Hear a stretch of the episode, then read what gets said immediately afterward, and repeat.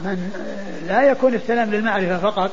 الإنسان يسلم على معارفه ومن يعرفه وإنما يسلم على من يعرف ومن لا يعرف. إلا إذا تحقق أنه كافر فإنه لا يبدأه بالسلام. نعم. قال حدثنا قتيبة بن سعيد.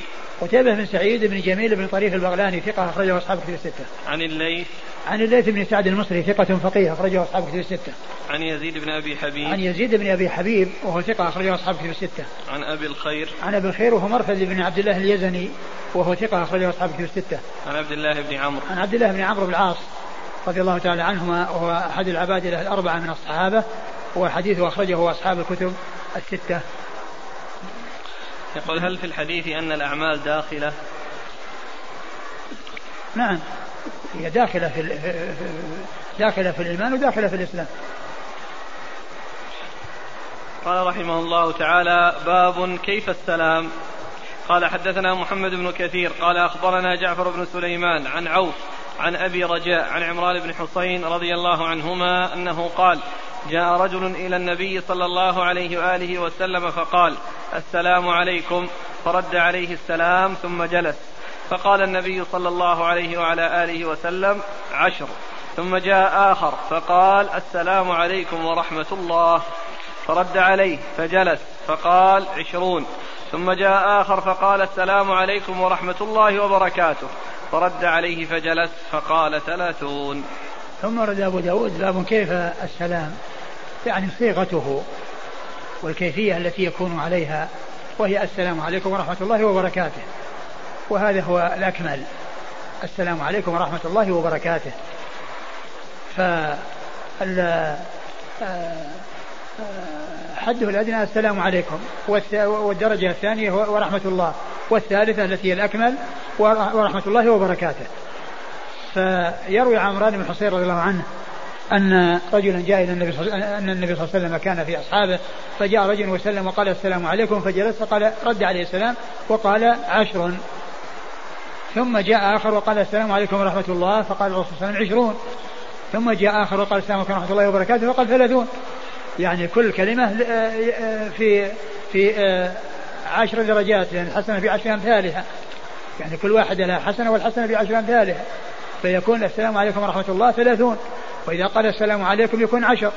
وإذا قال السلام عليكم ورحمة الله يكون عشرون. وإذا قال السلام عليكم ورحمة الله وبركاته يكون ثلاثون. فإذا كيفية السلام وصيغة السلام الكاملة السلام عليكم ورحمة الله وبركاته. قال حدثنا محمد بن كثير. محمد بن كثير العبدي ثقة أخرجه أصحاب كتب الستة. عن جعفر بن سليمان. عن جعفر بن سليمان وهو صدوق. أخرجه البخاري في المفرد ومسلم وأصحاب السنة. أخرجه البخاري في المفرد ومسلم وأصحاب السنة. عن عوف. عن عوف بن أبي جميلة الأعرابي ثقة أخرجه أصحاب كتب الستة. عن أبي رجاء عن أبي رجاء وهو العطاردي عمران بن ملحان ثقة أخرجه اصحاب كتب الستة. عن عمران بن حصين. عن عمران بن حصين أبو نجيد رضي الله عنه صاحب رسول الله صلى الله عليه وسلم وحديثه أخرجه اصحاب كتب الستة. قال حدثنا إسحاق بن سويد الرملي قال حدثنا ابن أبي مريم قال أظن أني سمعت نافع بن يزيد قال أخبرني أبو مرحوم عن سهل بن معاذ بن أنس عن أبيه رضي الله عنه عن النبي صلى الله عليه وآله وسلم بمعناه زاد ثم أتى آخر فقال السلام عليكم ورحمة الله وبركاته ومغفرته. فقال أربعون قال هكذا تكون الفضائل. ثم ورد الحديث من طريق أخرى وفيه أن رجل نعم.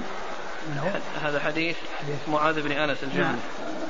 الأول حديث عمران بن حصين نعم. حديث ثم ورد حديث معاذ بن أنس أن رجلا هذا الإسناد. قال حدثنا إسحاق بن سويد الرملي. قال حدثنا ابن أبي مريم.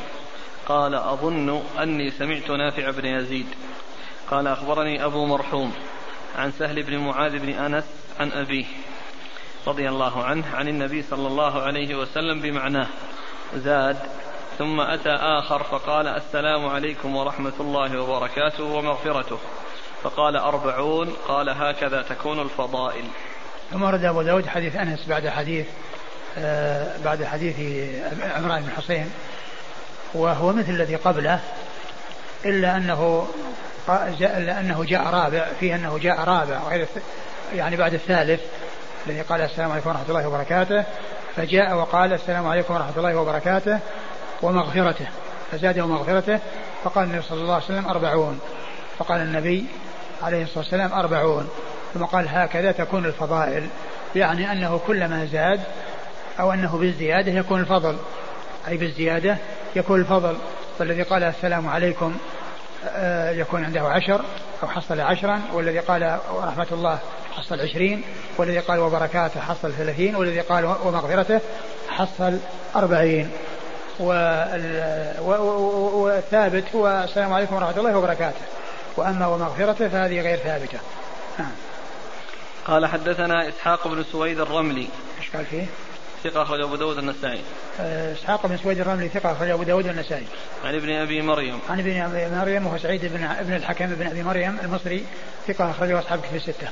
قال أظن أني سمعت نافع بن يزيد قال أظن أنني سمعت نافع بن يزيد وهو ثقة أخرج البخاري تعليقا نافع بن يزيد ثقة أخرجه البخاري تعليقا ومسلم وأبو داود والنسائي بن ماجه ومسلم وأبو داود والنسائي بن ماجه عن أبي مرحوم عن أبي مرحوم وهو صدوق خير أبو داود والترمذي والنسائي في مسند والنسائي في عمل يوم والليلة وابن ماجه. وهو صدوق خرجه مسلم. أبو داود. وأبو داود والنسائي. مسلم وأبو داود. ما في مسلم. أبو داود أبو والترمذي. والترمذي. والنسائي في عمل يوم الليلة. في عمل يوم الليلة هو ابن ماجه. وابن ماجه. عن سهل بن معاذ بن أنس. عن سهل بن معاذ بن أنس وهو لا بأس به مجال البخاري في الأدب المفرد وأبو داود. وهو لا بأس به وهو معنى صدوق؟ أخرج له البخاري في الأدب المفرد وأبو داود والترمذي وابن ماجه. البخاري في المفرد وأبو داود والترمذي وابن ماجه. عن أبيه. عن أبيه وهو أنس بن مالك رضي الله عنه خادم رسول الله. لا. آه معاذ بن أنس. عن معاذ عن أبيه.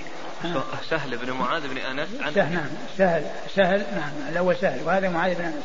وهو صحابي أخرج له. البخاري المفرد وأبو داود والترمذي وابن ماجه. البخاري في المفرد وأبو داود والترمذي وابن ماجه. والإسناد فيه هذا سعيد الذي قال أظنه يعني لم يجزم. نعم. قال رحمه الله تعالى باب في فضل من بدأ السلام. قال حدثنا يحي محمد بن يحيى بن فارس الزهلي قال حدثنا أبو عاصم عن أبي خالد وهب عن أبي سفيان الحمصي عن أبي أمامة. رضي الله عنه أنه قال قال رسول الله صلى الله عليه وآله وسلم إن أولى الناس بالله من بدأهم بالسلام. من بدأ؟ من بدأهم إن أولى الناس بالله من بدأهم بالسلام. إن أولى الناس بالله من بدأهم بالسلام يعني من بدأ الناس بالسلام. آه أورد باب. باب في فضل من بدأ السلام. باب في فضل من بدأ بالسلام. يعني الذي يبدأ بالسلام آه، أفضل من الذي آه، آه، يجيب. وهذا من المسائل التي قالوا فيها أن أن أن السنة أفضل من الواجب. أن السنة فيها أفضل من الواجب لأن ابتداء السنة ورده واجب. ومع ذلك الذي يفعل السنة أفضل من الذي يأتي بالواجب لأن هذا هو الذي بدأ بالخير وبدأ يعني بهذا الدعاء فيكون أفضل من غيره وأولى من غيره. ثم ورد أبو داود حديث أبي أمامة رضي الله عنه أن النبي صلى الله عليه وسلم قال إن أولى الناس بالله يوم القيامة من بدأهم بالسلام, بالسلام. يعني من يبدأ آه، إخوانه بالسلام بأن يسبق إلى أن يسلم. ومعلوم أن هذا فيما إذا كانوا متماثلين. أما إذا كان آآ آه، آآ آه، واحد جالس وهذا ماشي فالسنة جاءت بأن يسلم الراكب على الماشي والماشي. على الجالس والقائم على القاعد يعني نعم قال حدثنا محمد بن يحيى بن فارس الزهري محمد بن يحيى بن فارس الزهري ثقة أخرجه أصحاب أخرج البخاري أخرجه البخاري وأصحاب السنة. عن أبي عاصم عن أبي عاصم وهو النبيل ضحاك المخلد ثقة أخرجه أصحاب الكتب الستة. عن أبي خالد وهب عن أبي خالد وهب ابن لعله وهب بن خالد الحميري أبو خالد. نعم الحميري نعم هو هو الخالد هو الحميري. وهو ثقة أخرجه أبو داود والترمذي وابن ماجه. ثقة أخرجه أبو داود والترمذي وابن ماجه. عن أبي سفيان الحمصي. عن أبي سفيان الحمصي وهو؟ ما عرفت ما أدري لا هو آه، موجود يعني بس أنا ما ما أتذكر اسمه ولا لا, لا يعني في في في آه، تهذيب الكمال في تهذيب الكمال يعني ذكر واحد. ما أذكر ما أذكر اسمه. عن أبي أمامة. عن أبي أمامة هو صدي بن عجلان الباهلي وهو ثقة وهو صحابي أخرج له أصحاب الكتب الستة. يعني ذاك الشخص إن شاء الله في الدرس القادم نأتي باسم نأتي باسمه وترجمته. نعم. قال رحمه الله تعالى باب من أولى بالسلام. والله تعالى أعلم وصلى الله وسلم وبارك على عبده ورسوله نبينا محمد وعلى آله وأصحابه أجمعين. جزاكم الله خيرا وبارك الله فيكم ونفعنا الله ما قلت هنا بالنسبة للحديث الأول قضية الانقطاع. اللي هو؟ حديث قيس بن سعد. أيوه. نعم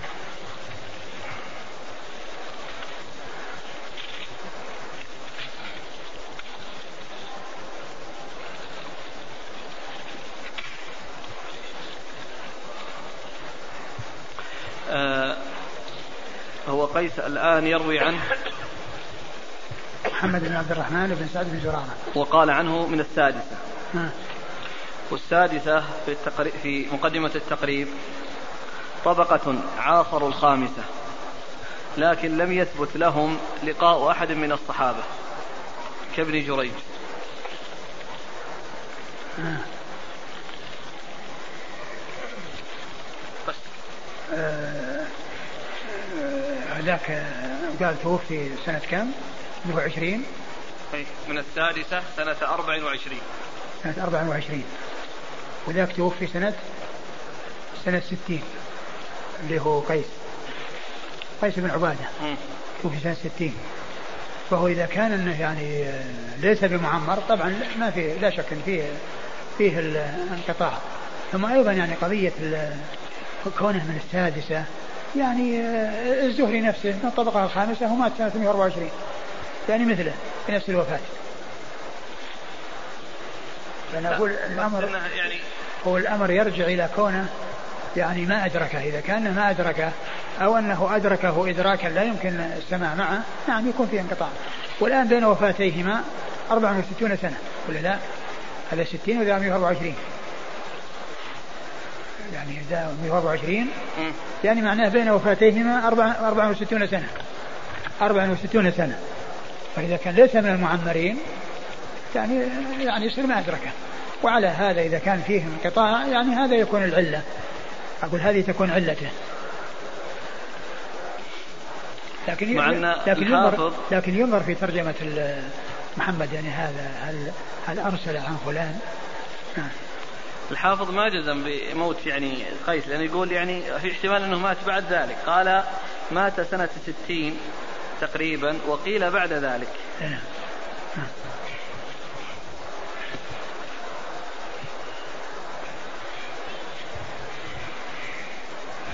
هو الآن ال- الزهري هو 24 أو 125 وهو من- ولذلك هو- الخامس وهو من صغار التابعين. فيه لكنه لأنه لقي بعض صغار الصحابة. نعم. فلأجل ذلك جعله نعم من نعم صح. الخامس. نعم. لقي أنس. وهذا يعني وهذا يمكن أن يلقى أنس لأنه يعني لا هو كونه حطه في السادسة. لماذا قال عن السادسة؟ ما دام انه مات بنفس السنة إيه. حطه جنب الخامس. وراح يحطه في السادسة. بس أنا أقول قضية الإمكان للقي ممكن لأن إذا كان آخر الصحابة يعني توفي هو وش بلده هو؟ محمد بن عبد الرحمن؟ يعني يمكنه مدني. لأن ابن إسحاق بن زرارة يعني مدني. يغالب وأنس يعني كان بصري. يمكن أنه يعني هو من آخر الصحابة من آخر من توفي من الصحابة. يقول يسأل عن صحة حديث طيبوا ساحاتكم فإن أدنس الساحات ساحات اليهود. والله ما أعرف لا أعرف عنه شيئا. هل هناك حديث صحيح بأن من قال سبع مرات في الصباح والمساء اللهم أجرني من النار لا تمسه النار؟ هو الذي. اللي في المغرب فيه في المغرب والفجر يعني فيه كلام. وأما هذا ما أذكر.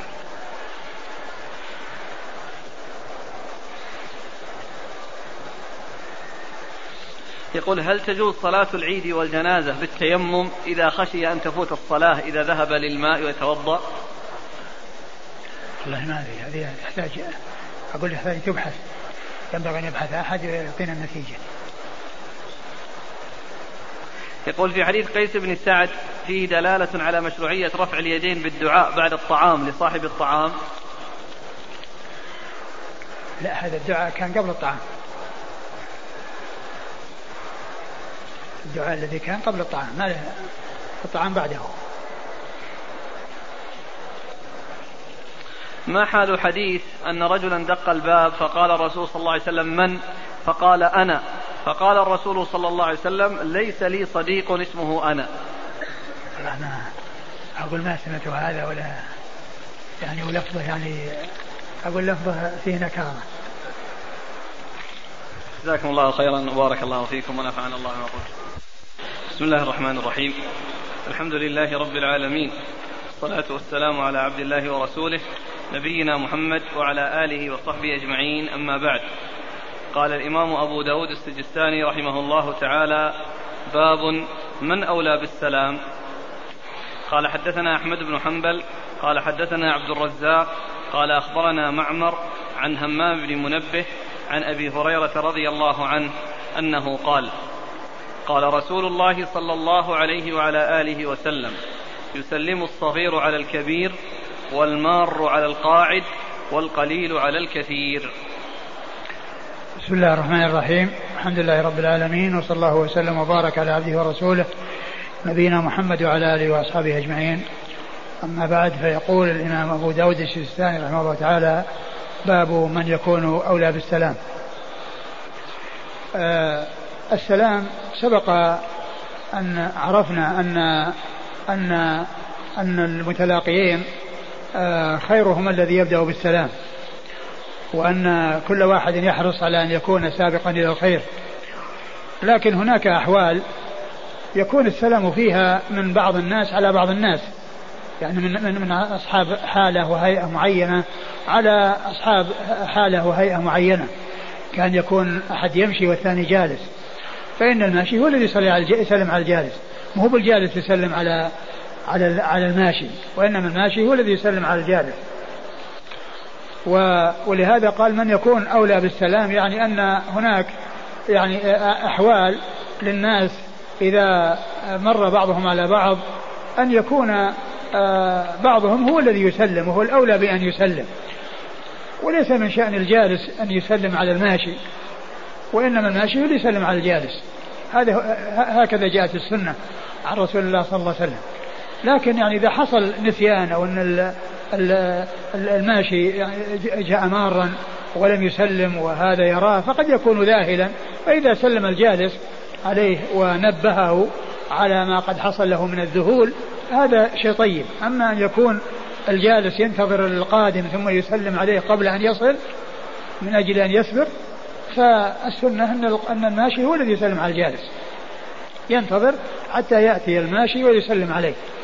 أما أن يبادر قبل أن يصل الماشي فيسلم عليه من بعد حتى يسبقه فالسنة هي آه، كما آه، جاء عن رسول الله صلى الله عليه وسلم يسلم الراكب على الماشي والماشي على القاعد وإيش؟ يسلم. يسلم الصغير على الكبير. يسلم الصغير على الكبير. يسلم الصغير على الكبير. والماشي. والراكب على الماشي. والماشي على الجالس. يعني فهذه آه، آه، أحوال أو هيئات يعني آه، لبعض الناس هم الذين يكون أولى بالسلام أو يحصل السلام منهم منهم على غيرهم بأن يسلم الصغير على الكبير وذلك لأن يكون الصغير يعني يحترم الكبير ويوقره وإذا وإذا حصل التلاقي يسلم الكبير يعني على الصغير ما في بأس لكن هذا أولى. لكن وكذلك الراكب على الماشي يعني يسلم الراكب على الماشي والماشي على الجالس هذا هو الأصل كما جاءت في ذلك السنة عن رسول الله صلى الله عليه وسلم. ويجوز يعني عكسه ولكنه في فيما إذا كان بالنسبة للجالس إذا كان حصل ذهول من الماشي فكونه يسلم عليه ينبهه آه، أو يريد أن يتكلم عليه ويتكلم معه ويسلم قبل الكلام فهذا هو هو الذي ينبغي. والصغير يحصل منه السلام على الكبير توقيرا له وتعويدا له على الأخلاق الكريمة وعلى الآداب الحميدة ما يتعلق بآداب السلام وغيره. نعم. والقليل على الكثير. والقليل على الكثير. يعني إذا كان جماعة كثيرين فالقليلون هم الذين يسلمون على الكثيرين. نعم. قال حدثنا أحمد بن حنبل. أحمد بن حنبل أحمد بن محمد بن حنبل الشيباني الإمام الفقيه المحدث أحد أصحاب المذاهب الأربعة المشهورة من مذاهب السنة وحديثه أخرجه أصحاب كتب الستة. عن عبد الرزاق. عبد الرزاق بن همام الصنعاني اليماني وهو ثقة أخرج له أصحاب الكتب الستة. عن معمر. عن معمر وهو بن راشد الأزدي البصري ثم اليماني وثقة أخرج له أصحاب الكتب الستة. عن همام بن منبه عن همام منبه وهو ثقة أخرج له أصحاب الكتب الستة. إلا ابن ماجه في التفسير نعم إلا ابن ماجه إلا ابن ماجه نعم همام منبه إلا ابن ماجه في التفسير. عن أبي هريرة همام منبه إلا ابن ماجه في التفسير. شوف همام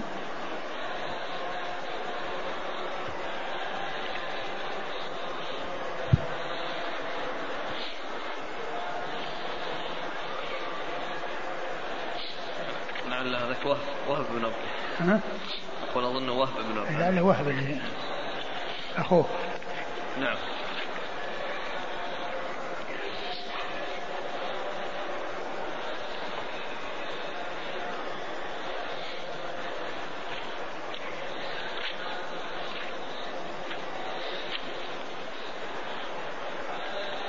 نعم. وهب نعم. يعني وهب منبه هو اللي في التفسير. نعم. نعم. يعني هذا مر بنا قريبا رواية أحدهما عن الآخر. رواية أحدهما عن الآخر. نعم. وهمام منبه ثقة أخرجه أصحاب الكتب الستة. عن أبي هريرة. نعم. عن أبي هريرة عبد الرحمن بن صخر الدوسي رضي الله عنه صاحب رسول الله صلى الله عليه وسلم و- وهو أكثر الصحابة حديثا على الإطلاق. وهذا الحديث أو هذا الإسناد هو إسناد الصحيفة المشهورة في صحيفة همام منبه التي يرويها عن أبي هريرة. وهي تشتمل على 140 حديثا. والإمام أحمد أوردها بكاملها في مسنده في مسند أبي هريرة. من هذا الطريق. الإمام أحمد يروي عن عبد الرزاق وعبد الرزاق عن معمر وعبد معمر عن همام وهمام عن أبي هريرة. وهي وهو إسناد صحيح. إسناد صحيح. رجاله كلهم خرج لهم أصحاب الكتب الستة. رجاله خرج لهم أصحاب الكتب الستة. والبخاري أخرج منها أحاديث ومسلم أخرج أحاديث واتفقوا جميعا على إخراج أحاديث. و وال... وكما قلت الإمام أحمد أوردها في مسند أبي هريرة من من المسند وهي بإسناد واحد وكل حديث يفصل بينه وبين الحديث الآخر وقال رسول الله صلى الله عليه وسلم كذا. وقال رسول الله كذا وهكذا. يعني تأتي وقال رسول الله رسول الله صلى الله عليه وسلم 140 مرة بعدد الأحاديث. لأن كل حديث يفصل بينه وبين الحديث لأن إسنادها واحد. ويفصل بين كل حديث وحديث بقوله وقال رسول الله صلى الله عليه وسلم كذا. أي أبو هريرة يقول وقال رسول الله. والبخاري استخرج منها حديث وأبو داود كذلك ويعني يعني غيره من, الأئمة رووا منها حديث. لكن طريقة البخاري أنه يذكر الإسناد ثم إذا انتهى إلى إلى هذا أتى بما يريده من من الصحيفة. أتى بما يريده من الصحيفة. وفي بعض الأحيان يذكر الحديث الأول يعني يأتي الحديث الأول الذي كان الإسناد متصل به ثم بعدين يقول وقال كذا. وقال كذا يأتي بالحديث الذي يريد. وأول حديث فيها نحن الآخرون الأولون يوم القيامة. نحن الآخرون الأولون يوم القيامة. هذا أول حديث في الصحيفة. فالبخاري أحيانا يذكر الإسناد ثم يذكر نحن الآخرون الأولون لأنه هو الذي يتصل بالإسناد. ثم يأتي بالذي يريد. وأحيانا يأتي بالحديث الذي يريد بعد الإسناد مباشرة. أما الإمام مسلم رحمه الله فطريقته وهي طريقة يعني جميلة عندما ينتهي الحديث يقول عن ابي عن أبي هذا ما حدثنا أبو هريرة عن رسول الله صلى الله عليه وسلم ثم يقول فذكر أحاديث. منها وقال رسول الله. ثم يأتي بالقطعه أو الحديث الذي يكون في وسط الصحيفه أو في آخرها أو في أثنائها. فيعني علامتها ان أنه عندما يقول أبو هريرة آه هذا ما حدثنا به ابو أبو محمد رسول رسول الله صلى الله عليه وسلم ثم يقول فذكر احاديث يقول مسلم فذكر احاديث منها وقال رسول الله. يعني فيأتي بالحديث الذي في أثنائها. يعني حديث لأنها كما قلت 140 حديث يفصل بين كل حديث وحديث قال رسول الله وقال رسول الله صلى الله عليه وسلم كذا. وهذا هذه هذه الصحيفة يتضح منها تماما أن البخاري ومسلم لم يقصدا استيعاب كل حديث صحيح. لأنهم لو كان قصدا أتوا بالصحيفة كلها من أولها إلى آخرها وهم ما أتوا بها كلها انتقوا منها. وهي بإسناد واحد. ولو كان أنهم أرادوا جمع الحديث الصحيح كله ما تركوا الصحيفة بل أتوا بها بأكملها من أولها إلى آخرها. ولكنهم انتقوا منها. انتقوا منها أحاديث وتركوا أحاديث. فهذا من أوضح ما يستدل به على أن البخاري ومسلم رحمهم الله لم يقصد استيعاب الأحاديث. ولم يستوعباه ما قصداه ولم يستوعب بالفعل. ما أراد ذلك ولم يستوعبه ما أراد ذلك وقصداه ولم يستوعبه وهذا وهذه هذه الصحيفة هي أوضح ما يستدل به على هذا. لأنه لو كان أرادوا جمع الحديث الصحيح أتوا بكل الأحاديث اللي فيها. ولم يحصل منهم انتقاء يأخذون ويتركون. نعم. قال حدثنا يحيى بن حبيب بن عربي قال أخبرنا روح قال حدثنا ابن جريج قال أخبرني زياد أن ثابتا مولى عبد الرحمن بن زيد أخبره أنه سمع أبا هريرة رضي الله عنه يقول قال رسول الله صلى الله عليه وآله وسلم يسلم الراكب على الماشي ثم ذكر الحديث. ثم رد أبو, أبو, أبو داود حديث أبي هريرة وفيه أنه يسلم الراكب على الماشي ثم ذكر الحديث الذي تقدم الذي هو القليل على الكثير والصغير على الكبير. والماشي على القاعد. نعم. قال حدثنا يحيى بن حبيب بن عربي. يحيى بن حبيب بن عربي ثقة. أخرج حديث البخاري وأصحاب السنن. ومسلم وأصحاب مسلم وأصحاب السنن. عن روح. عن روح بن عبادة ثقة. أخرجه أصحاب كتب الستة. عن ابن جريج. ابن جريج عبد الملك بن عبد العزيز بن جريج المكي ثقة. أخرج له أصحاب كتب الستة. عن زياد. عن زياد وهو ثقة أخرجه أصحاب الكتب. زياد بن سعد الخراساني. زياد بن سعد الخراساني ثقة أخرجه أصحاب الكتب الستة. عن ثابت مولى عبد الرحمن بن زيد. عن ثابت مولى عبد الرحمن بن زيد وهو ثقة أخرج البخاري ومسلم وداود النسائي. وهو مولى مولى لأن عبد الرحمن بن زيد مولى. لأن زيد بن أسلم هو مولى عمر وعبد الرحمن هو يعني آه، أيضا مولى آه، يعني عدوي قال له لأنه آه، منسوب إليه ولاء وهي وهو نسب عمر رضي الله عنه لأن عمر هو العدوي. وأما هذا قال مولى عبد الرحمن بن زيد يعني معنى مولى مولى. مولى مولى. عن أبي هريرة. آه هذا اخرج البخاري ومسلم وداود النسائي اللي هو في ثابت. نعم ثابت أخرجه البخاري. ومسلم وابو داود النسائي البخاري ومسلم وابو داود النسائي عن أبي هريرة. نعم. يقول قوله في ترجمة باب من أولى بالسلام. هل هو للاستحباب أم للوجوب؟ آه الذي يبدو أنه للاستحباب ليس الوجوب لأنه لو سلم القليل على الكثير على القليل أو عكسه صح لكن آه الأولى ان أنه يكون بهذا الترتيب أو بهذا بهذه الهيئة. نعم. يقول فإذا كان المار هو الكبير والجالس هو الصغير فهل يسلم الكبير على الصغير؟ لا يسلم الماشي على الجالس.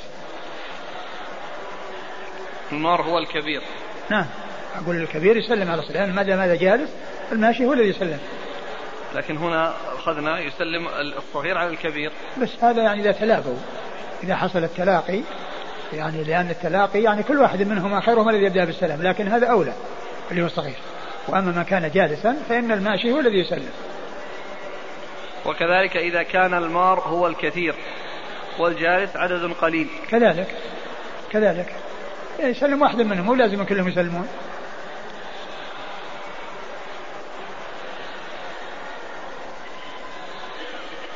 بالأمس عن أبي سفيان الحمصي. نعم محمد بن زياد. محمد بن زياد الهاني وهو ثقة أخرج له البخاري. وأصحاب السنة. البخاري وأصحاب السنة.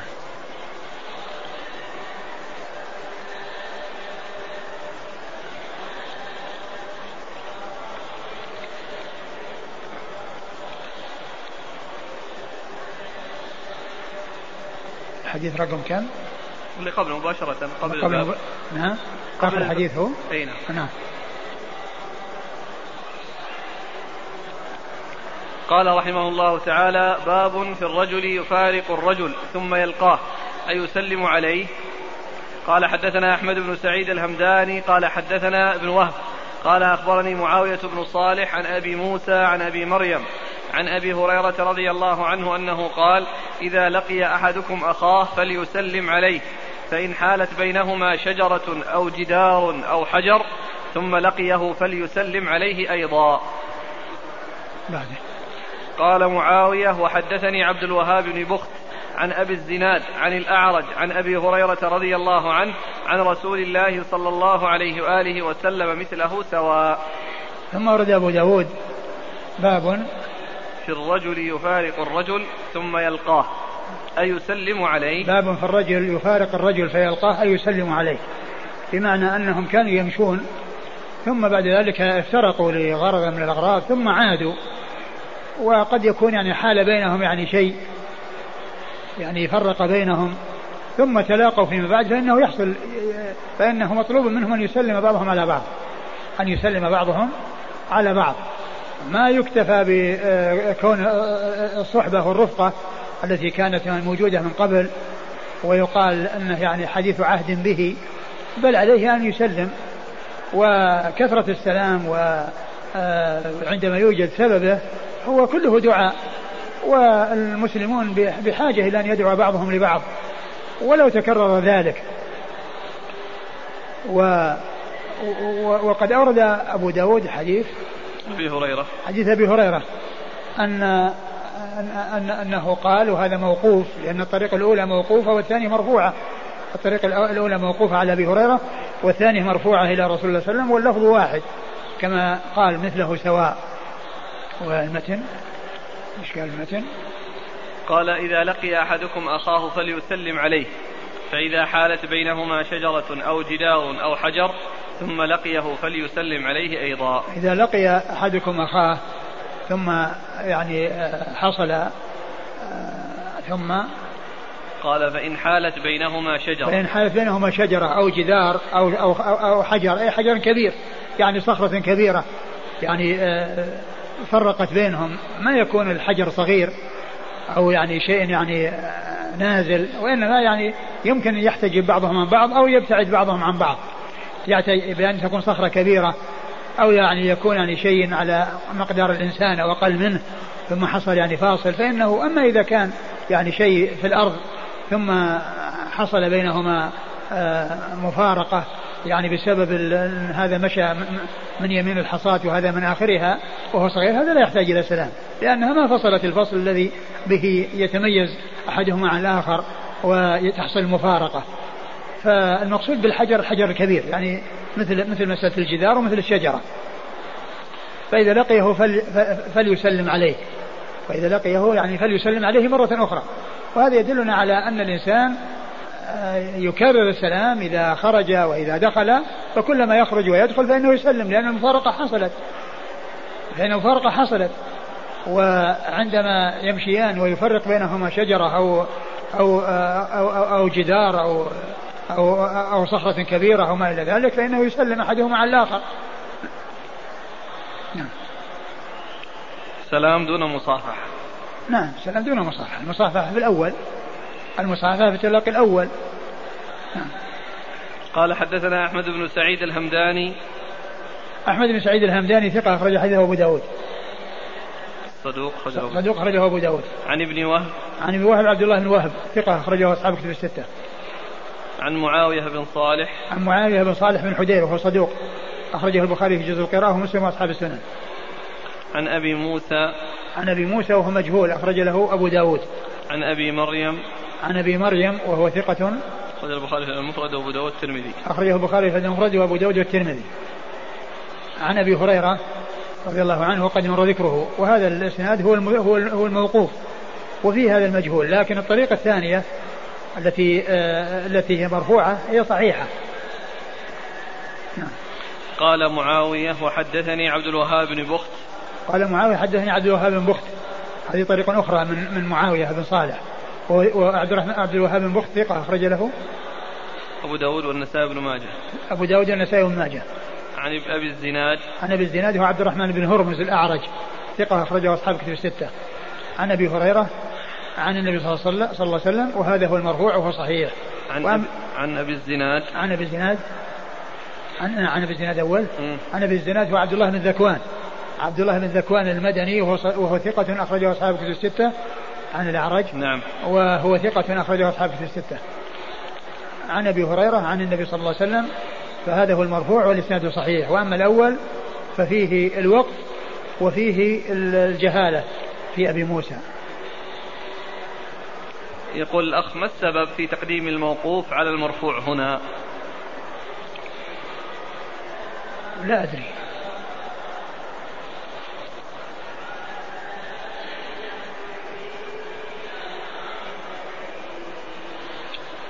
قال حدثنا عباس العنبري قال حدثنا أسود بن عامر قال حدثنا حسن بن صالح عن أبيه عن سلمة بن كهيل عن سعيد بن جبير عن ابن عباس رضي الله عنهما عن عمر رضي الله عنه أنه أتى النبي صلى الله عليه وآله وسلم وهو في مشربة في مشربة مشربة له. مشربة مشربة ولا مشربة مشربة له.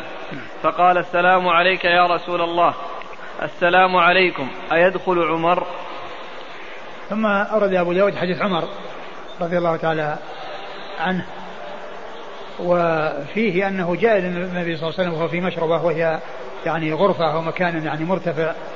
آآ آآ فقال له السلام عليك السلام عليك يا رسول, يا رسول الله. السلام عليك يا رسول الله. السلام عليكم. أيدخل عمر السلام السلام عليك يا رسول الله. السلام عليك. لا. أول شيء السلام عليك يا رسول الله ثم قال السلام عليكم. السلام عليك يا رسول الله السلام عليكم أيدخل عمر فجمع بين كونه سلم وكونه استأذن فجمع بين الاستئذان والتسليم وتسميته وتسميته لأنها لأن هذا فيه يعني آه، تعريف به لأنه لأنه من وراء الباب. نعم. والحديث والحديث يعني ما يستقيم إلا إذا كان لقيه. إذا كان لقي النبي صلى الله عليه وسلم قبل أن يدخل يعني قبل أن يدخل هذه المشروبة. وإلا فإنه لا يناسب الترجمة. قال حدثنا عباس العنبري. عباس بن عبد العظيم العنبري ثقة أخرج له أصحاب البخاري تعليقا ومسلم وأصحاب السنن. عن أسود بن عامر. أسود بن عامر ثقة أخرج له أصحاب كتب الستة. عن حسن بن صالح. عن حسن بن صالح بن حي وهو ثقة البخاري في الأدب المفرد ومسلم وأصحاب السنن. ثقة أخرجه البخاري في الأدب المفرد ومسلم وأصحاب السنن. عن أبيه صالح ابن صالح بن صالح بن حي وهو ثقة أخرجه أصحاب كتب الستة. عن سلمة بن كهيل. عن سلمة بن كهيل ثقة أخرجه أصحاب كتب الستة. عن سعيد بن جبير. عن سعيد بن جبير ثقة أخرجه أصحاب كتب الستة. عن ابن عباس. عن ابن عباس عبد الله بن عباس بن عبد المطلب ابن عم النبي عليه الصلاة والسلام وأحد العباد الأربعة من الصحابة وأحد السبعة المعروفين بكثرة الحديث عن النبي عليه الصلاة والسلام. عن عمر بن الخطاب رضي الله عنه أمير المؤمنين وثاني الخلفاء الراشدين الهاديين المهديين صاحب المناقب الجمة والفضائل الكثيرة وحديثه عند أصحاب الكتب الستة.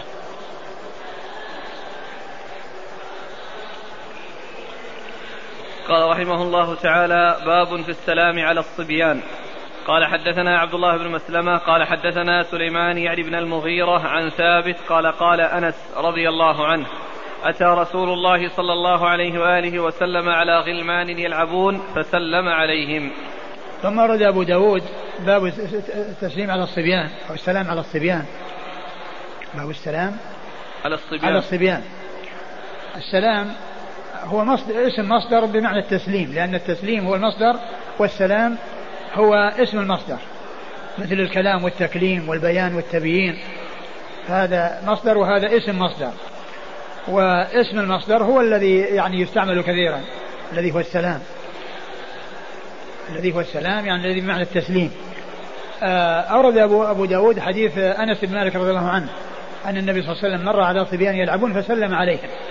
وهذا وهذا يعني يدل على على التسليم على الصبيان لأن هذا أولا فيه تواضع من الكبير الذي يسلم على الصبيان وفيه أيضا تعويد الصبيان تأنيس الصبيان وتفريحهم بإلقاء السلام عليهم وأن الكبار يعني يحصل منهم التواضع لهم ويسلمون عليهم. ففي ذلك فائدة للجهتين الكبير يحصل منه التواضع وتعويد وتعليم الصغار وتعويدهم السلام والصغار يحصل منهم أيضا الاستئناس والفرح والابتهاج بحصول ذلك من الكبار لهم وفي ذلك أيضا تعويد لهم على على الحرص على السلام وإلقائه وعدم التهاون فيه. وأيضا كذلك كونهم يعني في لعب وأنهم يلعبون ما ما يمنع أنه يسلم عليهم لأن هذا شأن الصبيان أن شأنهم اللعب. فحصول السلام عليهم سواء كانوا يلعبون أو غير أو لا يلعبون هذا أمر مطلوب. قال حدثنا عبد الله بن مسلمة عبد الله بن مسلمة بن قعنب القعنبي ثقة أخرجه أصحاب كتب الستة إلا ابن ماجه. عن سليمان يعني بن المغيرة. عن سليمان بن المغيرة وهو ثقة. أخرج أصحاب الكتب. أخرجه أصحاب كتب الستة. عن ثابت. عن ثابت آه، بن البناني. نعم. نعم ثابت بن أسلم البناني وهو ثقة أخرجه أصحاب كتب الستة عن أنس بن مالك رضي الله عنه خادم رسول الله صلى الله عليه وسلم وأحد السبعة المعروفين بكثرة الحديث عن النبي صلى الله عليه وسلم وهذا الحديث هذا الإسناد من الاسانيد العاليه عند أبي داود التي هي الرباعيات التي أعلى ما يكون عند أبي داود. يقول الأخ هذا الحديث ألا يعارض ما سبق أن الصغير هو الذي يسلم على الكبير؟ لا ما يعارض لأن هذا يمشي وهؤلاء يعني واقفون يلعبون.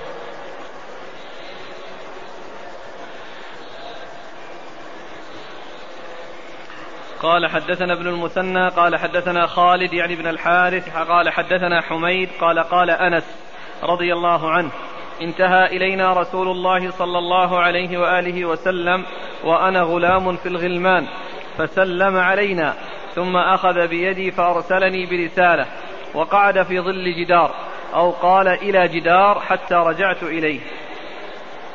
ثم رد أبو داود حديث أنس بن مالك وهو أن النبي صلى الله عليه وسلم أتى عليهم وهو مع غلمان فسلم عليهم وهذا محل الشاهد ثم أخذ بيد أنس وأرسله في حاجة وجلس في ظل جدار أو إلى جدار وش في آخره؟ حتى رجعت إليه. حتى رجعت إليه يعني معناه أنه جلس ينتظره أرسله في حاجة وجلس ينتظره حتى رجع إليه. نعم. قال حدثنا ابن المثنى. ابن المثنى محمد المثنى العنزي أبو موسى الملقب الزمن. ثقة أخرجه أصحاب الكتب الستة بل هو شيخ لأصحاب الكتب الستة. عن خالد يعني بن الحارث. خالد بن الحارث ثقة أخرج له أصحاب الكتب الستة. ويعني وكلمة يعني هذه آه التي آه آه جاءت في, تعريف بخالد بن الحارث الذي قالها هو أبو داود أو من دون أبي داود. الذي قالها هو أبو داود أو من دون أبي داود. لأن المقصود بها أن تلميذه ما زاد على كلمة خالد ولكن أبا داود أو من دون أبي داود هم الذين أضافوا آه، ابن الحارث ولكن من أجل أن يتبين أو يتضح لمن يطلع على الإسناد أن هذا ليس من كلام التلميذ أتوا بكلمة يعني فيعني لها قائل ولها فاعل. ففاعلها ضمير مستتر يرجع إلى التلميذ وقائلها هو من دون التلميذ الذي هو أبو داود أو من دون أو من دون أبي داود. نعم. عن حميد. عن حميد بن أبي حميد الطويل وهو ثقة أخرجه أصحاب الكتب الستة عن أنس وقد مر ذكره وهذا أيضا من الرباعيات عند أبي داود. قال رحمه الله تعالى باب في السلام على النساء. قال حدثنا أبو بكر بن أبي شيبة قال حدثنا سفيان بن عيينة عن ابن أبي حسين أنه سمعه من شهر بن حوشب يقول أخبرته أسماء بنت يزيد رضي الله عنها تقول مر علينا النبي صلى الله عليه وعلى آله وسلم في نسوة فسلم علينا. ثم ورد أبو داود باب السلام على النساء. والسلام على النساء إذا كانوا محارم وأقارب فهذا أمره واضح لا إشكال فيه. وأما إذا كانوا يعني كن أجانب ف فلا يكون ذلك إلا مع أمن الفتنة. لأن السلام يعني مطلقا قد يتوصل فيه يتوصل به بعض يعني بعض الرجال إلى إلى بعض النساء التي قد تكون يعني من جنسه يعني بأن يكون عنده سوء وعندها سوء فيكون السلام قد يكون مبدأ ومدخل. لكن إذا آه، كان الفتنة مأمونة وكان أو, أو, أو كانت النساء يعني آه، مع أهله أو مع أقاربه وسلم على الجميع أو كن نساء كبيرات يعني لا يعني يكون معهن فتنة أو على كل حال هو بحيث تؤمن الفتنة ولا يكون هناك محذور ولا يكون ذلك على إطلاقه في كل شيء لأن الرسول صلى الله عليه وسلم هو المعصوم صلوات الله وسلامه وبركاته عليه ومن آه، كان أمرت معه الفتنة فإن ذلك سائغ له. وأما مع احتمال الفتنة واحتمال الضرر فلا يسلم الرجال على النساء والنساء كذلك لا يسلم على الرجال. نعم. عندما يتلاقى الرجل والمرأة في الطريق لا يسلم الرجل على المرأة والمرأة لا يسلم على الرجل. نعم. قالت أسماء بنت يزيد مر علينا النبي صلى الله عليه وسلم في نسوة فسلم علينا. قالت أسماء بنت يزيد مر علينا النبي صلى الله عليه وسلم في نسوة فسلم علينا. نعم. قال حدثنا وفي بعض الروايات كنا في نسوة من النساء في المسجد جلوس فألوى بيده بالتسليم يعني كان بعيد يعني سلم وأشار باليد مع السلام. نعم. قال حدثنا أبو بكر بن أبي شيبة أبو بكر بن أبي شيبة ثقة أخرجه أصحاب كتب الستة إلا الترمذي. عن سفيان بن عيينة. سفيان بن عيينة ثقة أخرجه أصحاب كتب الستة. عن ابن أبي حسين. عن ابن أبي حسين وهو عبد الله بن عبد الرحمن ثقة أخرج عبد الله بن عبد الرحمن بن أبي حسين ثقة أخرج له أصحاب الكتب. أصحاب الكتب الستة. عن شهر بن حوشب. عن شهر بن حوشب وهو صدوق كثير الإرسال والتدليس أخرج له البخاري في المفرد ومسلم وأصحاب السنن. البخاري في المفرد ومسلم وأصحاب السنن. عن أسماء بنت يزيد. عن أسماء بنت يزيد رضي الله عنها وحديثها أخرجه أصحاب الكتب الستة. وشهر بن حوشب آه، له متابع. يعني آه، الحديث يعني ما لم يكن الحديث من طريقه فقط بل آه، له متابع. نعم.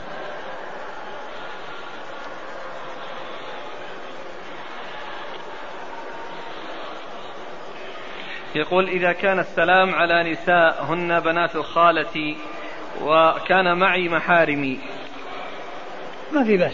يعني الأقارب إذا كان يعني أقارب بنت عم وبنت خال أو بنت خالة يعني والفتنة مأمونة ويعني أراد أن أن يسلم يلقي السلام إلقاء يعني لا بأس بذلك. إذا كان عنده أهله أو كذلك يعني لو يعني يعني كنا مع أهله أو كان يعني معه أهله سواء كنا جالسات مع أهله فسلمت عليه أو تكلمت معه أو تكلم معها يعني مع أمن الفتنة لا بأس بذلك.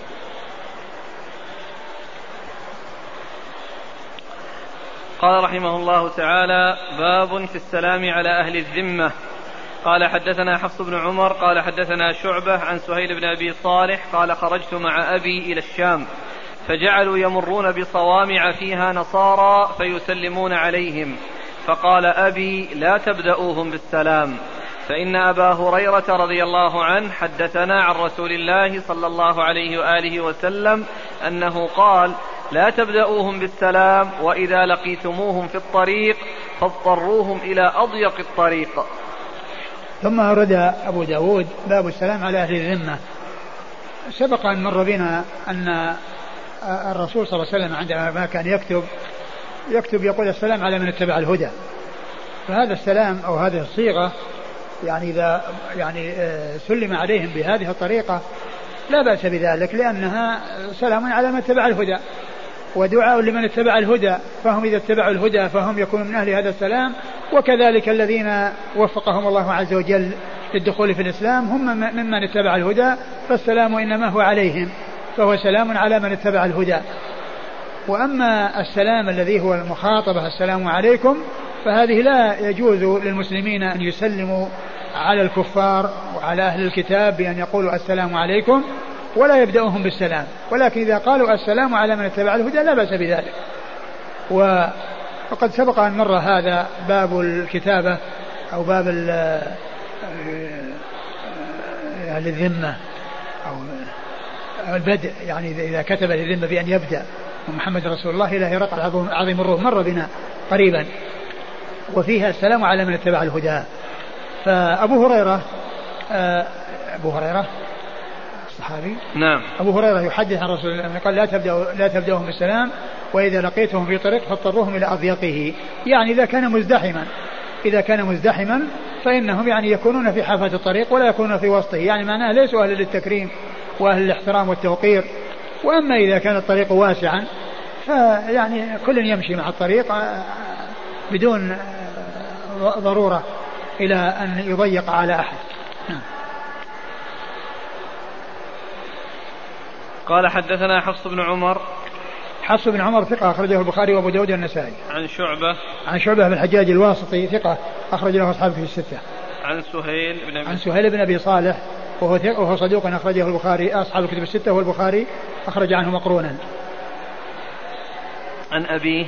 عن أبيه أبو صالح السمان وهو ذكوان ثقة أخرجه أصحاب الكتب الستة. عن أبي هريرة وقد مر ذكره.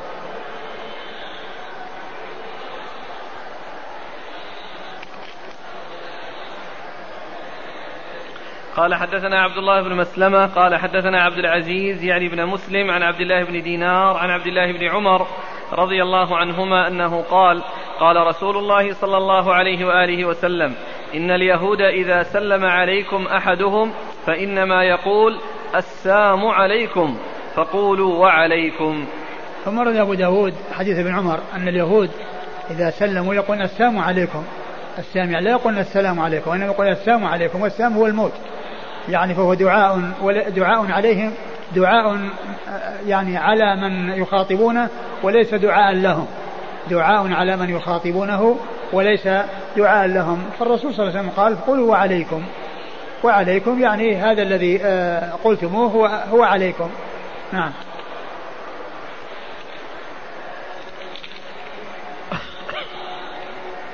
قال حدثنا عبد الله بن مسلمة عن عبد العزيز يعني ابن مسلم. عبد العزيز بن مسلم هو ثقة ربما وهم أخرجه أصحاب الكتب إلا ابن ماجه. ثقة ربما وهم أخرجه أصحاب الكتب الستة إلا ابن ماجه. عن عبد الله بن دينار. عن عبد الله بن دينار ثقة أخرجه أصحاب الكتب الستة. عن عبد الله بن عمر. عن عبد الله بن عمر رضي الله عنهما وهو أحد العباد الأربعة من الصحابة وأحد السبعة المعروفين بكثرة الحديث عن النبي عليه الصلاة والسلام وهذا الإسناد من أسانيد الرباعيات عند أبي داود.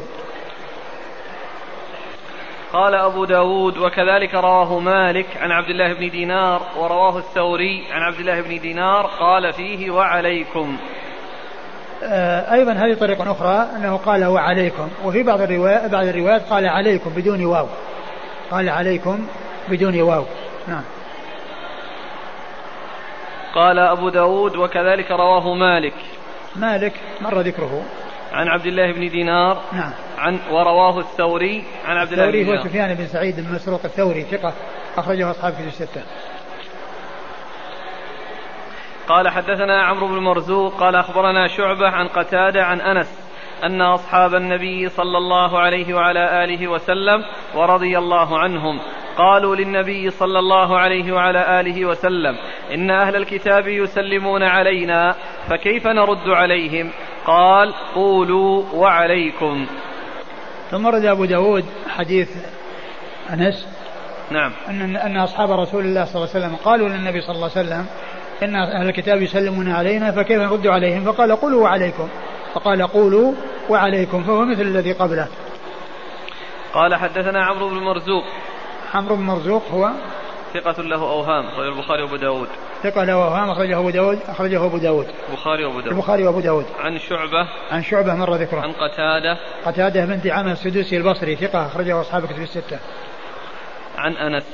عن أنس رضي الله عنه خادم رسول الله صلى الله عليه وسلم وقد مر ذكره وهذا أيضا من الرباعيات قال أبو داود وكذلك رواية عائشة وأبي عبد الرحمن الجهني وأبي بصرة يعني الغفاري رضي الله عنهم أجمعين ثم أشار إلى آه، أن الحديث جاء عن ثلاثة من أصحاب النبي صلى الله عليه وسلم غير أنس وهو مثل آه، مثل ما جاء في حديث أنس أنه بلفظ وعليكم نعم. قال أبو داود وكذلك رواية عائشة. عائشة أم المؤمنين رضي الله عنها وأرضاها الصديقة بنت الصديق وهي واحدة من سبعة أشخاص عرفوا بكثرة الحديث عن النبي عليه الصلاة والسلام. وأبي عبد الرحمن الجهني. وأبي عبد الرحمن الجهني أخرج حديثه. ابن ماجه. أخرج حديثه ابن ماجه. وأبي بصرة يعني الغفاري. وأبي بصرة هو بصرة الغفاري. حميل بن بصرة. نعم. اسمه؟ حميل. اسمه؟ حميل. حميل اي على وزن حميد. اي هو هذا غير بصرة بن أبي بصرة؟ وهذا أبو بصرة لا هذا أبو بصرة الغفاري. أبو بصرة؟ صحابي ذكره الحافظ قال حميل بن بصرة. لا في بصرة بن أبي بصرة. بصرة؟ بصرة بن أبي بصرة. هذا هذا أبو بصرة. اي نعم. شوف أبو بصرة. أبو بصرة ولا بصرة بن بصرة؟ لا شوف أبو بصرة. أبو بصرة قال في ال... في ال... عندك؟ في التقريب في الكنى. أبو بصرة قال حميل ابن بصرة تقدم. و... وبصره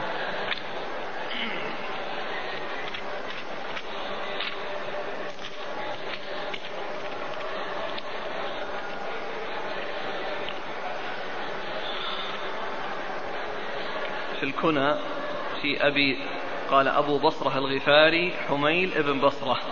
آه. في بصرة بن أبي بصرة؟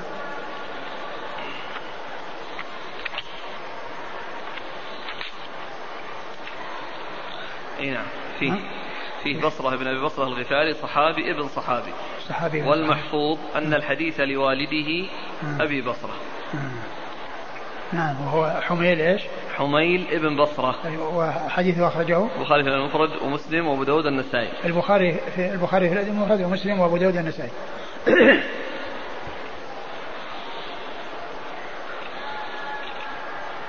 يقول السائل هل يجوز أن نقول لهم اليهود والنصارى السلام عليكم؟ ما نبدأهم بالسلام ولا نقول السلام عليكم. نقول يعني السلام على من اتبع الهدى أو نسكت. وإذا سلموا نقول وعليكم. وهذا الأخ يقول السلام على من اتبع الهدى. كان في كتابة النبي صلى الله عليه وسلم ولم يكن منه ذلك مشافهة.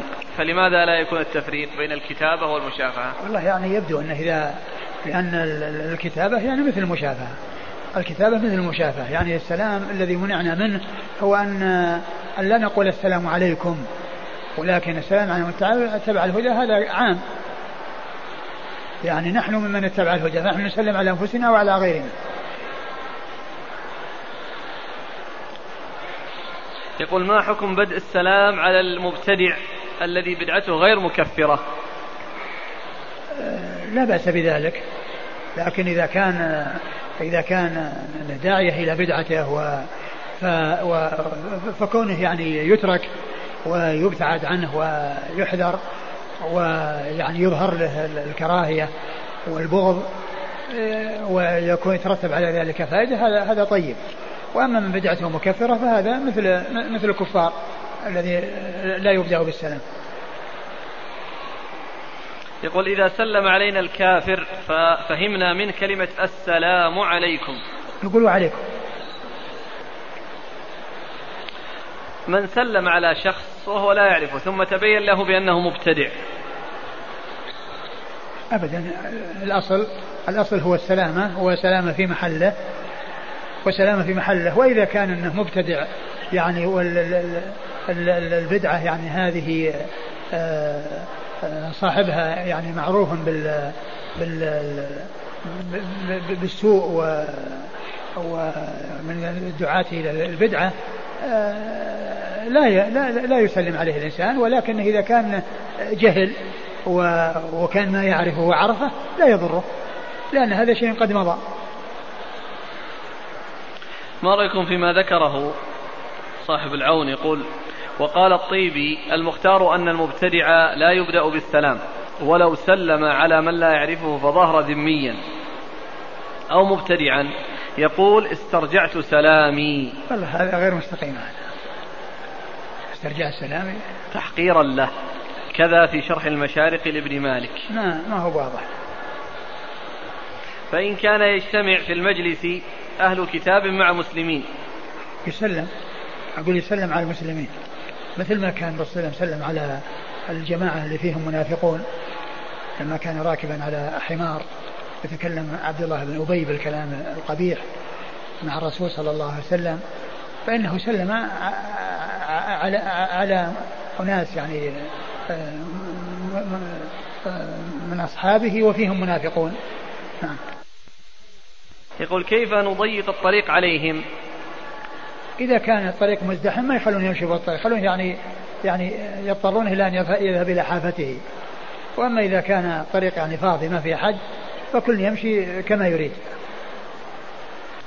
يقول إذا اضطر لكن إذا كان لكن إذا كان الطريق ضيق ما الناس يروحون للحافات يتركون له وسط الطريق لأن هذا إكرام له. وهذا لا, لا, لا يكرم وإنما يهان. يقول إذا اضطر أحد لابتداء الكافر بالسلام فهل يجوز له أن يقول بدلا عن السلام يقول صباح الخير؟ أو مساء الخير أو كذا. والله ما ينبغي يعني يقول لهم يعني كلاما يعني فيه يعني فيه احترام أو توقير. لا لا, ما لا ينبغي. لا يبدأهم بشيء. قال رحمه الله تعالى باب في السلام إذا قام من المجلس. قال حدثنا أحمد بن حنبل ومسدد قال حدثنا بشر يعنيان بن المفضل. عن ابن عجلان عن المقبوري قال مسدد سعيد بن أبي سعيد المقبوري. عن أبي هريرة رضي الله عنه أنه قال قال رسول الله صلى الله عليه وعلى آله وسلم إذا انتهى أحدكم إلى المجلس فليسلم فإذا أراد أن يقوم فليسلم فليست الأولى بأحق من الآخرة. قال حدثنا أحمد بن حنبل ومسدد. قال حدثنا بشر يعني يعنيان ابن المفضل. عن ابن عجلان عن المقبوري قال مسدد سعيد بن أبي سعيد المقبوري عن أبي هريرة رضي الله عنه. قال رسول الله صلى الله عليه وسلم إذا انتهى أحدكم إلى المجلس فليسلم فإذا أراد أن يقوم فليسلم فليست الأولى بأحق من الآخرة. ثم ورد أبو داود باب السلام عند الانصراف. يعني عندما يريد الإنسان أن ينصرف من جماعة وجالس معهم يسلم عليهم. وذلك أن السلام يعني كما هو معلوم فيه دعاء وفيه أيضا تنبه للإنسان وكونه يعني آه، علم انصرافه وقيامه لأنها قد يعني يكون يعني بعض الناس آه، آه، قد يكون له حاجة فيه ثم ينصرف وهو ما درى عنه لكن إذا سلم تنبه له. فالسلام مطلوب عند عند القدوم وعند الانصراف. عند القدوم وعند الانصراف. وقد أورد أبو داود حديث أبي هريرة أن النبي صلى الله عليه وسلم قال إذا انتهى أحدكم إلى مجلس فليسلم وإذا أراد أن ينصرف فليسلم فليست الأولى بأحق من الثانية. يعني الأولى يعني مطلوبة وهي الأصل والثانية أيضا كذلك والثانية أيضا كذلك هي مطلوبة. نعم. قال حدثنا أحمد بن حنبل. أحمد بن حنبل مر ذكره. ومسدد.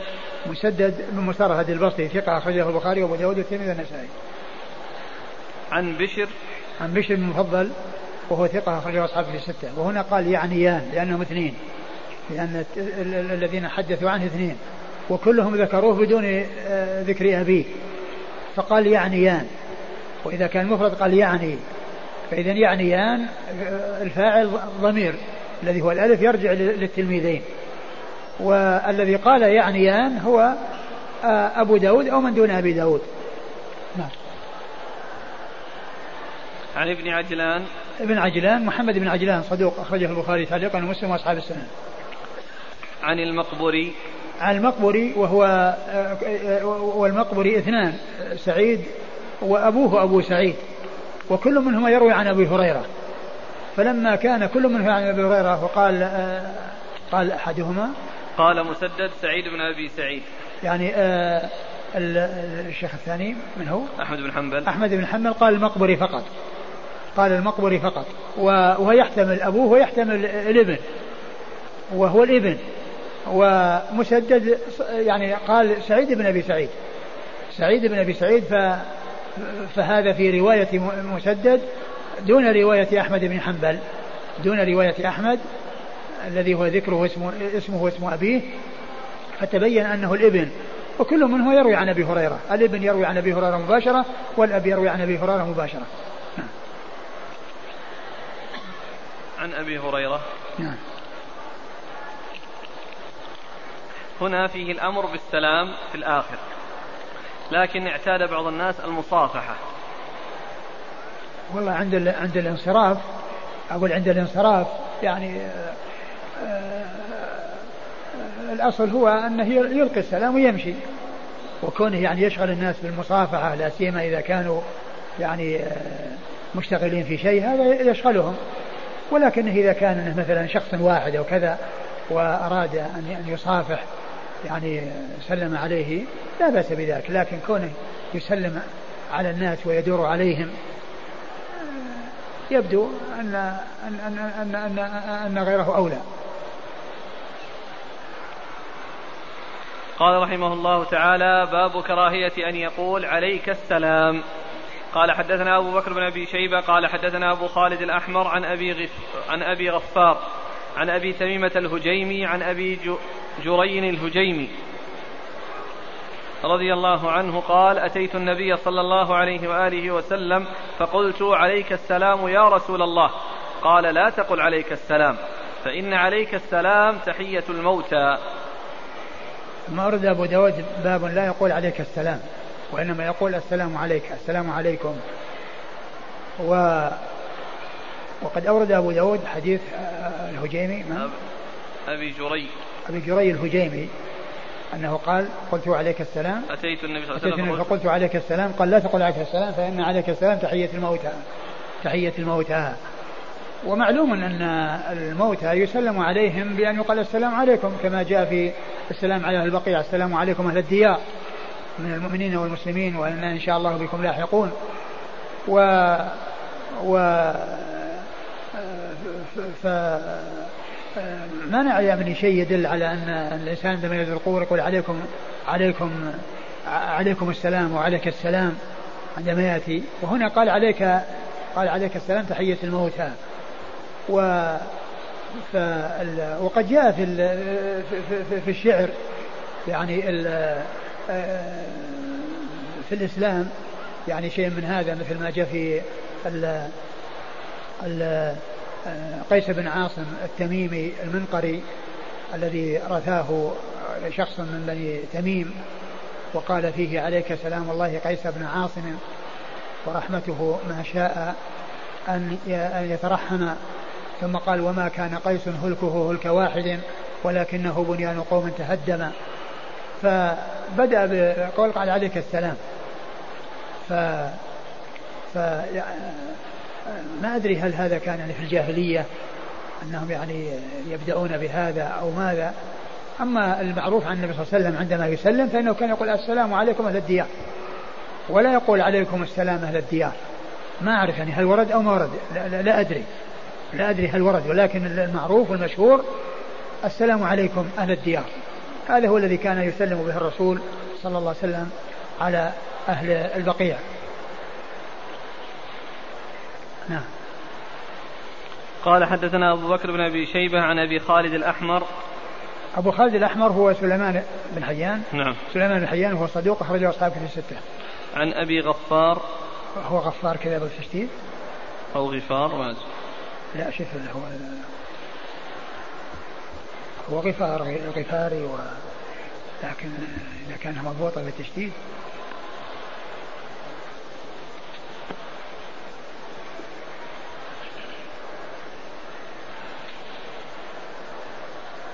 نعم بالتخفيف. أبو غفار. هو؟ ليس به بأس أخرجه البخاري في المفرد وأبو داود والترمذي والنسائي. ليس به بأس وهو بمعنى صدوق. أخرجه البخاري في المفرد وأبو داود والنسائي. والترمذي والنسائي. والترمذي والنسائي. عن أبي تميمة الهجيمي. عن أبي تميمة الهجيمي وهو طريف بن مجالد ثقة أخرجه البخاري وأصحاب السنن. طريف بن مجالد ثقة أخرجه البخاري وأصحاب السنن. عن أبي جري الهجيمي. عن أبي جري الهجيمي وهو صحابي أخرج له. أبو داود والترمذي والنسائي. أبو داود والترمذي والنسائي. يقول جاء في رد السلام لمن بلغك السلام أن تقول عليك وعليه السلام. نعم. هذا لا يدخل في النهي هنا. لا هذا جواب. لأن الجواب نفس المجيب يقول عليكم السلام. المجيب يقول عليكم السلام. بس كذلك يعني سواء يعني مبلغا السلام أو هو نفس المسلم. مثل ما مثل ما قال السلام عليكم وعليكم السلام. فهو لما بلغه عن غيره قال عليكم وعليه السلام. قال رحمه الله تعالى باب ما جاء في رد الواحد عن الجماعة. قال حدثنا الحسن بن علي قال حدثنا عبد الملك بن إبراهيم الجدي. قال حدثنا سعيد بن خالد الخزاعي قال حدثنا عبد الله بن المفضل قال حدثنا عبيد الله بن أبي رافع عن علي بن أبي طالب رضي الله عنه. قال أبو داود رفعه الحسن بن علي.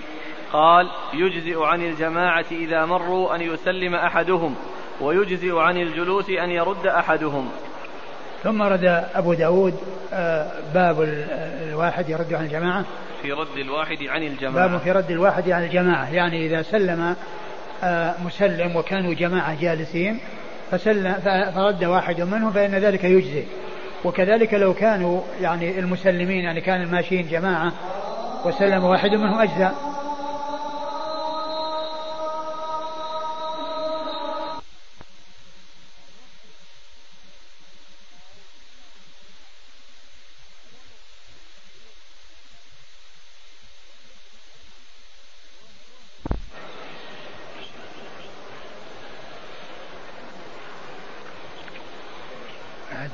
الإسناد والمتن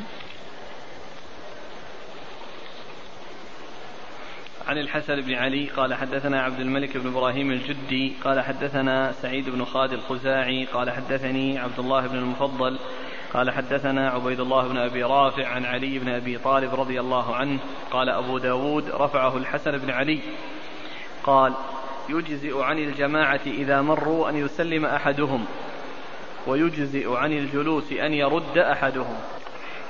آه، أرد أبو داود حديث علي بن أبي طالب رضي الله عنه أن النبي صلى الله عليه وسلم قال يجزئ عن الجماعة إذا مروا أن يسلم أحدهم ويجزي عن الجلوس أن يرد أحدهم. معنى ذلك أن أنه لا يلزم الجميع أن يحصل منهم السلام ولا أن يكون المسلم عليهم يحصل منهم رد السلام بل إذا سلم واحد من الجميع الماشيين على القاعدين أو على القاعد فإن ذلك يجزي. ولو كان الماشون عدد وحصل السلام ورد واحد من الجالسين فإن ذلك يكفي عن الجالسين. فالإجزاء حاصل من الجهتين سواء في إلقاء السلام يجزي سلام الواحد عن الجماعة الذين معه وكذلك الجالسون يجزي أن يرد واحد منهم السلام عن القاء عن الجالسين معه. قال حدثنا الحسن بن علي الحسن بن علي الحلواني ثقة أخرج له أصحاب كتب الستة إلا النسائي. عن عبد الملك بن إبراهيم الجدي. عن عبد الملك بن إبراهيم الجدي وهو هذا صدوق أخرج البخاري وأبو داود والترمذي والنسائي. صدوق أخرج أخرج له البخاري وأبو داود البخاري وأبو داود والترمذي والنسائي. عن سعيد بن خالد الخزاعي. عن سعيد بن خالد الخزاعي وهو قال عنه ضعيف أخرج أبو داود. قال عنه ضعيف أخرج له أبو داود. عن عن عبد الله بن المفضل. عبد الله بن المفضل ثقة أخرج له وهو ابن الفضل. يعني صوابه الفضل وهو ثقة أخرجه أصحاب الكتب الستة. أخرجه أصحاب الكتب. عن عبيد الله بن أبي رافع. عن عبيد الله بن أبي رافع وهو ثقة أخرج له أصحاب الكتب. نعم. أصحاب الكتب الستة. عن علي. عن علي رضي الله عنه أمير المؤمنين ورابع الخلفاء الراشدين الهادي المهديين صاحب المناقب الجمة والفضائل الكثيرة رضي الله عنه وأرضاه. وحديثه عند أصحاب الكتب الستة والحديث في إسناده ضعيف ولكن له شواهد قال رفعه الحسن بن علي. الحسن بن علي هو شيخ أبي داود. لكن ما أدري كيف قوله رفعه الحسن لو كان أن فيه يعني معناه أن في شيخ آخر أو كذا يعني حصل وقفة لأن الإسناد هو هو منه. وأبو داود ما عرف الحديث إلا يعني بالنسبة للإسناد الموجود هو من طريقه. ما أدري يعني وجه كلمة كونه يعني رفعه. يعني لو كان معه آخر أو معه ناس آخرون رووه ولم يرفعوه يمكن. يعني نعم. قال رحمه الله تعالى باب في المصافحة. والله تعالى أعلم وصلى الله وسلم وبارك على عبده ورسوله نبينا محمد وعلى آله وأصحابه أجمعين. جزاكم الله خيرا وبارك الله فيكم ونفعنا الله ما قلتم.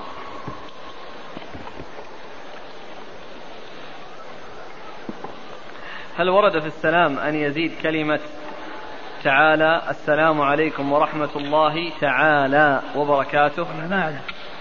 أقول ما أعلم ورودها يقول ما الدليل على أن إلقاء السلام مستحب فقط خصوصا وأن ألفة المسلمين وتماسكهم واجب شرعي وعدم إلقاء السلام يولد العداوة والفرقة وسوء الظن؟ وقد ذكر أن شيخ الإسلام ابن تيمية في الاختيارات ذهب إلى أنه واجب إلقاء السلام. هو المشهور أنه أنه مستحب ورده واجب. ويقولون أن هذا ما كان هذا من قبيل ما كانت السنة أفضل من الواجب. يقول حكم السلام بالإفراد. يقول السلام عليك. ويرد عليه يقول وعليك السلام. ما في بأس. يقول امرأة عجوز من أقاربي وليست لي بمحرم ولكني أسلم على رأسها. فهل هذا جائز؟ لا. ما ما ينبغي الإنسان لا يصافح ولا يقبل لا رأس ولا غير رأس.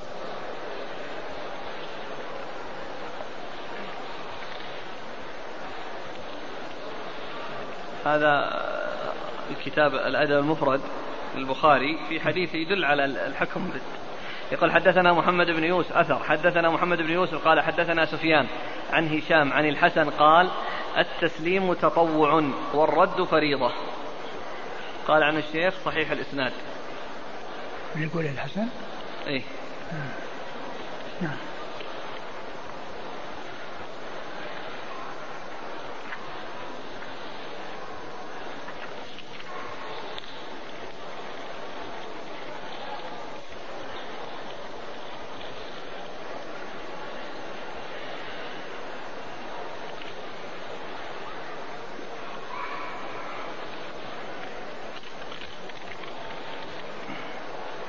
يقول زيادة الإشارة باليد ضعيفة لأنه جاء زيادة الإلواء باليد في حديث أسماء بنت يزيد عند الترمذي تفرد بها شهر بن حوشب واختلف عليه فيها.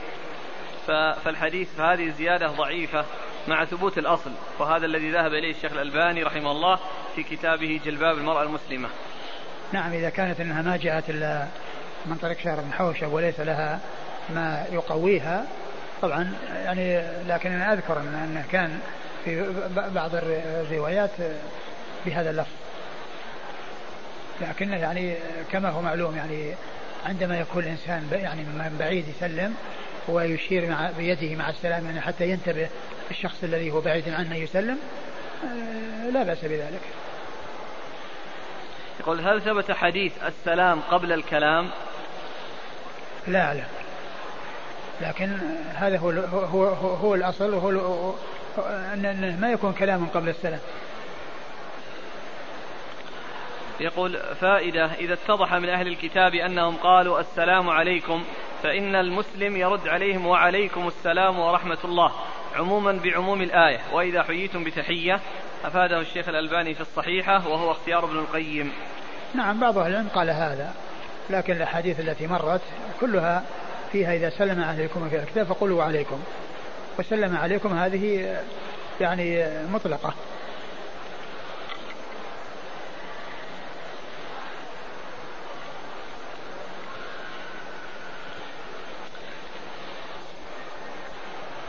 يقول بعض الناس في بلادي اعتادوا أن المصافحة تكون باليدين كلتيهما. فما حكم ذلك؟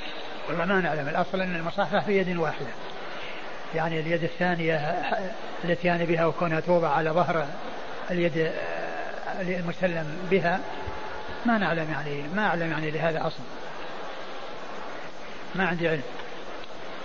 يقول لماذا نسلم على الأموات وهم لا يسمعوننا؟ السلام دعاء والدعاء ينفع وقضية أن كونهم يعني يسمعون أو لا يسمعون الله تعالى أعلم. يعني الذي ورد فيما يتعلق بالسماع يثبت والباقي يمسك عنه. ويقال الله أعلم. يقول اتصل أحد الإخوة من بالصين في المدينة التي يدرس بها انتشر وباء خطير قاتل اسمه الالتهاب الرئوي وهو من المبتعثين السعوديين هناك. هل يجوز لهم أن يرجعوا إلى المملكة؟ أم يجلسوا حتى لا يكون فرارا من الوباء قياسا على الطاعون؟ إذا كان هذا من من الذي يدخل يعني تحت اسم الطاعون والذي يدخل تحت الحديث ليس الإنسان أن يخرج فرارا منه ولكن إذا كان إذا كان المدة انتهت وأنه يعني آه، دراسته انتهت وأنها آه، الخروج يعني هو الانتهاء الدراسة هذا ما فيه إشكال لأنه ما كان فرارا وإنما الذي فيه المحذور إذا كان فرار. فإذا كان أن هذا من جنس الطاعون الذي آه، هو يعتبر وباء ويدخل تحت عموم الحديث فلا وإذا كان ليس كذلك فلا بأس فلا بأس به. جزاكم الله خيرا وبارك الله فيكم ونفعنا الله ما قلت. بسم الله الرحمن الرحيم. الحمد لله رب العالمين والصلاة والسلام على عبد الله ورسوله نبينا محمد وعلى آله وصحبه أجمعين أما بعد. قال الإمام أبو داود السجستاني يرحمه الله تعالى باب في المصافحة. قال حدثنا عمرو بن عون قال أخبرنا هشيم عن أبي بلج عن زيد أبي الحكم العنزي عن البراء بن عازب رضي الله عنه أنه قال قال رسول الله صلى الله عليه وعلى آله وسلم إذا التقى المسلمان إذا التقى المسلمان فتصافحا وحمد الله عز وجل واستغفراه غفر لهما. بسم الله الرحمن الرحيم. الحمد لله رب العالمين وصلى الله وسلم وبارك على عبده ورسوله نبينا محمد وعلى آله وأصحابه أجمعين. أما بعد فيقول الإمام أبو داود السجستاني رحمه الله تعالى باب في المصافحة. لما ذكر الأبواب المتعلقة بالسلام ذكر آه، المصافحة التي هي متممة له وتابعة له وهي لا تكون إلا مع السلام لا تكون بدون سلام وإنما المصافحة مع السلام. والسلام يكون بالمصافحة وبدونها. ولكن من تمامها آه، آه، حصول المصافحة مع السلام. فلما أورد ما يتعلق بالسلام أورد عقبه ما يتعلق بالمصافحة. والمصافحة هي أن يضع كل واحد يمينه بيمين الآخر وقيل له مصافحة لأنها مأخوذة من صفحة اليد. وهو أن كل يعني يمد صفحة يده إلى الآخر ويأخذ بصفحة فيكون كل منهما أخذ بصفحة يد غيره. هذه هي المصافحة. أورد أبو داود وكان آه، آه، وقد جاءت السنة في ذلك عن رسول الله عليه الصلاة والسلام وجاء عن الصحابة رضي الله تعالى عنهم وأرضاهم. وكان الصحابة إذا إذا قدموا من سفر إذا تلاقوا تصافحوا وإذا قدموا من سفر تعانقوا. وقد أورد أبو داود حديث البراء بن عازب رضي الله عنه أن النبي عليه الصلاة والسلام قال إذا إذا إذا التقى المسلمان فتصافحا وحمد الله عز وجل واستغفراه غفر لهما. إذا تلاقى المسلمان المسلمان وتصافحا وحمد الله واستغفراه غفر لهما. وهذا فيه آه، آه، إثبات المصافحة وأنهما إذا تلاقيا وتصافحا مع السلام. ما هو مصافحة بدون سلام بس يضع يده بيده بدون ما يقول السلام عليكم وإنما مع السلام عليكم. وإنما مع السلام عليكم تكون المصافحة. والمصافحة جاءت فيها حديث متعددة منها هذا الحديث لكن القيد الذي جاء فيه وهو الحمد والاستغفار يعني مع مع المصافحة جاء في هذه الطريق وهي لا تخلو من كلام. وأما ما يتعلق بالمصافحة فإنه جاء في أحاديث أخرى. نعم.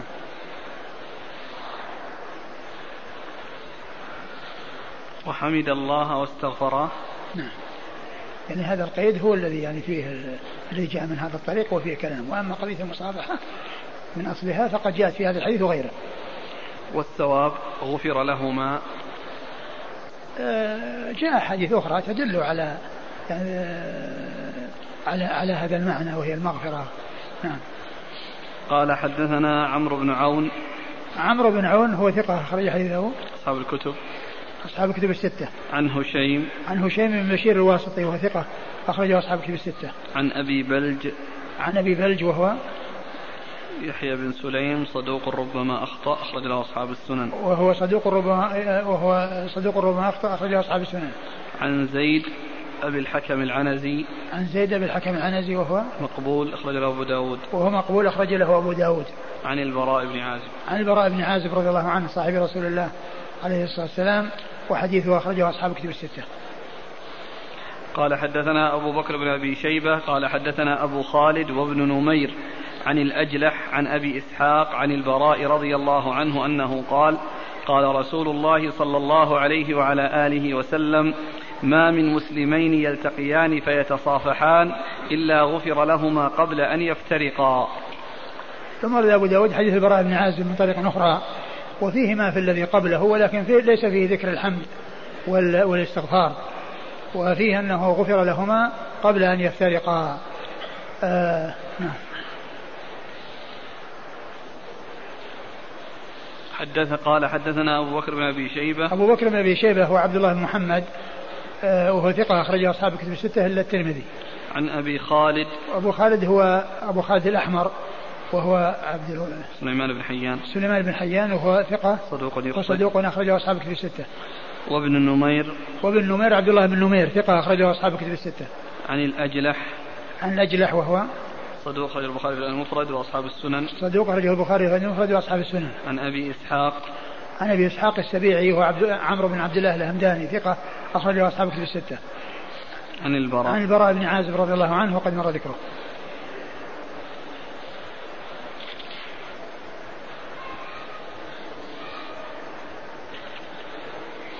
قال حدثنا موسى بن إسماعيل قال حدثنا حماد قال حدثنا حميد عن أنس بن مالك رضي الله عنه أنه قال لما جاء أهل اليمن قال رسول الله صلى الله عليه وعلى آله وسلم قد جاءكم أهل اليمن وهم أول من جاء بالمصافحة.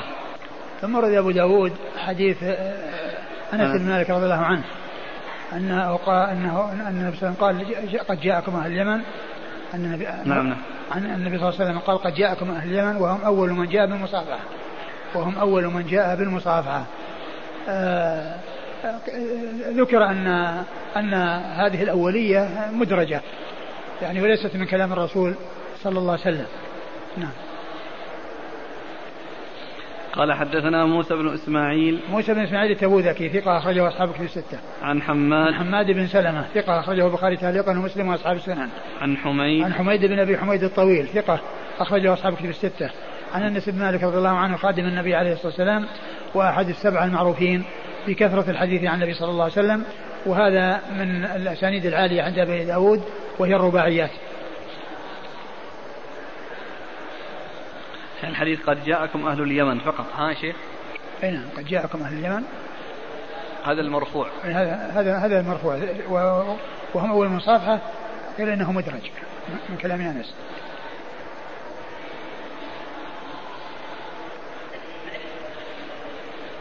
قال رحمه الله تعالى باب في المعانقة. قال حدثنا موسى بن إسماعيل قال حدثنا حماد قال أخبرنا أبو الحسين يعني خالد بن ذكوان. عن أيوب بن بشير بن كعب العدوي عن رجل من عنزة أنه قال لأبي ذر رضي الله عنه حيث سير من الشام. إني أريد أن أسألك عن حديث من حديث رسول الله صلى الله عليه وعلى آله وسلم. قال إذا أخبرك به إلا أن يكون سرا. قلت إنه ليس بسر. هل كان رسول الله صلى الله عليه وآله وسلم يصافحكم إذا لقيتموه؟ إذا لقيتموه قال ما لقيته قط إلا صافحني. وبعث إلي ذات يوم ولم أكن في أهلي. فلما جئت أخبرت أنه أرسل, أرسل لي. فأتيته وهو على سريره. فالتزمني فكانت تلك أجود وأجود. ثم رد أبو داود حديث أبي ذر. باب في المعانقة. باب في المعانقة. لما ذكر السلام ثم ذكر المصافحة ثم ذكر شيء آخر يعني وراء ذلك وهو المعانقة. يعني مع السلام والمصافحة. يعني جم يعني الجمع بين ثلاثة أمور. السلام والمصافحة والمعانقة. وقد جاء عن أصحاب الرسول صلى الله عليه وسلم أنه كانوا إذا قدموا إذا تلاقوا تصافحوا وإذا قدموا من سفر تعانقوا. وإذا قدموا من سفر تعانقوا. وعلى هذا فتكون هذه الأمور الثلاثة التي هي السلام ومع مع السلام المعانقة المعانقة المصافحة ومع المصافحة المعانقة. يعني ما تكون معانقة بدون مصافحة. ما تكون معانقة بدون مصافحة. ولا تكون يعني آه، يكون يكونان بدون سلام. بل يجمع بين الأمور الثلاثة. وقد ورد أبو داود حديث أبي ذر رضي الله عنه لما سير من الشام لقيه رجل. نعم. عن رجل من عنزة أنه قال نعم. لأبي ذر حيث سير من الشام. أنه عن رجل من عنزة أنه قال, أنه قال لأبي ذر حيث سير من الشام إني سائلك عن حديث عن رسول الله صلى الله عليه وسلم آه، قال قال إذا أخبرك به إلا أن يكون سرا. قال إذا أخبرك به إلا أن يكون سرا.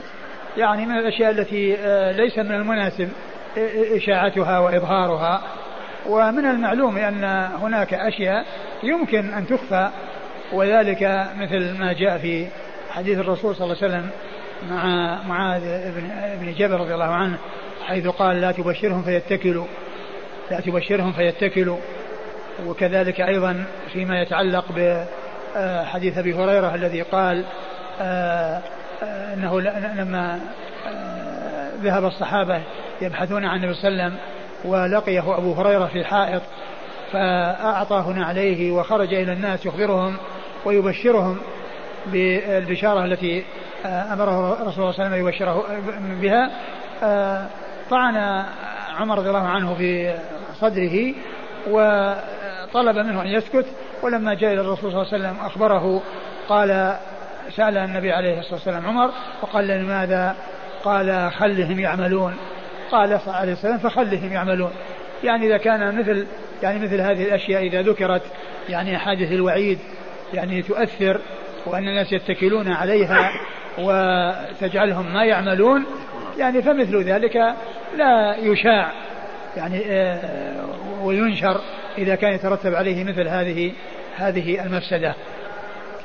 فقال إنه ليس بسر وسأله عن المصافحة وأخبره أنه ما لقي النبي صلى الله عليه وسلم إلا وقد صافحه. ما لقي أبو ذر رسول الله عليه السلام إلا صافحه. وجاء إليه مرة والتزمه. والحديث يعني فيه إسناد فيه ضعف. ولكن المعانقة جاءت في آه، عن أصحاب رسول الله عليه الصلاة والسلام وهو الذي ذكرته أن أصحاب النبي عليه الصلاة والسلام رضي الله عنهم إذا قدموا إذا إذا تلاقوا تصافحوا وإذا قدموا من سفر تعانقوا. والمعانقة هي كون الإنسان يخالف بين عنقه وعنق الآخر بحيث يعني يتخالفان الأعناق بحيث يعني يكون عنق عنق هذا مع عنق هذا فهذه هي المعانقة.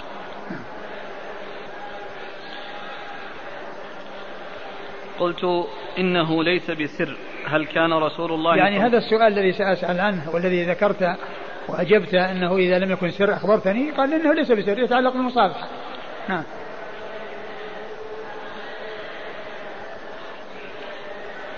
هل كان رسول الله صلى الله عليه وآله وسلم يصافحكم إذا لقيتموه؟ قال ما لقيته قط إلا صافحني. وبعث إلي ذات يوم ولم أكن في أهلي فلما جئت أخبرت أنه أرسل لي فأتيته وهو على سريره فالتزمني فكانت تلك أجود وأجود. نعم. الحديث يعني كما هو معلوم ضعيف. نعم. قال حدثنا موسى بن إسماعيل عن حماد عن أبي الحسين يعني خالد بن ذكوان. خالد بن ذكوان هو؟ صدوق رجل أصحاب الكتب. صدوق رجل أصحاب الكتب الستة. عن أيوب بن بشير بن كعب العدوي. عن أيوب بن بشير وهو مستور أخرج له أبو داود. وهو مستور يعني مجهول الحال. أخرج له أبو داود. نعم. أخرجه أبو داود. عن رجل من عنزة. عن رجل من عنزة وهو مجهول. يعني مبهم. رجل يعني مبهم غير مسمى. يعني فيه مستور ومبهم. نعم. يقول الحافظ في المبهمات هو عبد الله ولا يعرف أخرج له نعم. أبو داود. هو عبد الله ولا يعرف. يعني أنه عرف اسمه ولا يعرف يعني شيء عنه أخرج له أبو داود. يعني ففيه شخصان متكلم فيهما. أبو ذر هو جندب بن جنادة رضي الله عنه صاحب رسول الله عليه الصلاة والسلام وحديثه أخرجه أصحاب كتب الستة.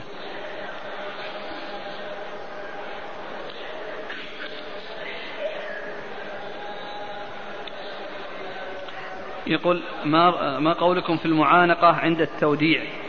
توديع المسافر. هل هو سائغ والله يبدو أنه ما في بأس يعني إذا كان أنه عند ال...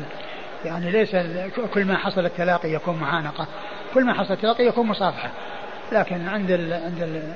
عند السفر وعند القدوم قدوم من السفر يعني لا بأس لأن فيه فراق. لقي بعد فراق ولأنه بعده فراق. يقول ما حكم معانقة الوالدين؟ الأولى الإنسان يقبل رأس والديه.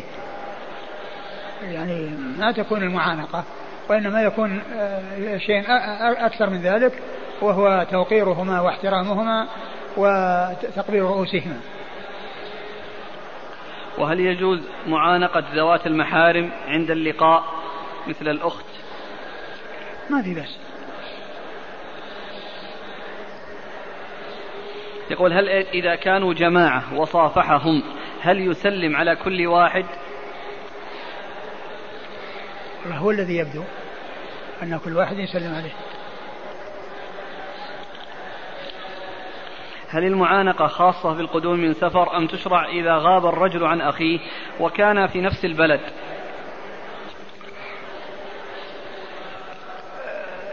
الأثر اللي جاء عن الصحابة أنهم كانوا إذا قدموا من سفر طبعا هذا في فراغ. وإذا كان الإنسان يعني فقده مدة تلاقيه وكأن و و و وكان كل واحد منهما يعني يحسب الآخر أنه يعني يعني أنه قدم من سفر أو أنه يعني أنه مسافر يعني فما في ما في ذلك بأس. يقول ما حكم المصافحة والمعانقة بعد صلاة العيدين لأن هذه العادة توجد في منطقتنا يصافحون ويعانقون يعانق بعضهم بعضا بعد صلاة العيد مباشرة. نعم هذا هو هذا هو الذي يجري لكن يعني لكونها مناسبة يعني طيبة وفيه يعني تهنئة يعني وفرح يعني بشيء ومناسبة طيبة يعني يبدو أن ذلك إن شاء الله ما في بأس إذا حصل. يقول ما حكم المصافحة بعد الصلوات خصوصا بعد صلاة الصبح والعصر؟ المصافحة من أجل الصلاة بعد الصلاة ليس لها لا نعلم لها أصلا وإنما المصافحة عند اللقي. فإذا كان الشخصان متلاقيين قبل الصلاة وقد التقى بعضهما ببعض وسلم بعضهما على بعض وحصلت المصافحة ثم قاموا إلى الصلاة وحصل السلام من الصلاة لا يصافح من أجل الصلاة لأن التلاقي كان موجودا من قبل. وأما إذا كان الإنسان آه، جاء والصلاة قد أقيمت ثم صف بجوار إنسان ولما سلم لما سلم من الصلاة سلم عليه لأن هذا هو أول اللقي هذا لا بأس به لأن هذا سلام من أجل اللقي وليس من أجل الصلاة. المحذور أن يكون من أجل الصلاة. وأما إذا كان من أجل اللقي واللقي إنما حصل إلا بعد السلام فهذا لا بأس به. قال رحمه الله تعالى باب ما جاء في القيام. قال حدثنا حفص بن عمر قال حدثنا شعبة عن سعد بن إبراهيم عن أبي أمامة بن سهل بن حنيف. عن أبي سعيد الخدري رضي الله عنه أن أهل قريظة لما نزلوا على حكم سعد رضي الله عنه أرسل إليه النبي صلى الله عليه وآله وسلم فجاء على حمار أقمر فقال النبي صلى الله عليه وعلى آله وسلم قوموا إلى سيدكم أو إلى خيركم. فجاء حتى قعد إلى رسول الله صلى الله عليه وآله وسلم. ثم أورد أبو, أبو داود باب في القيام. باب في القيام.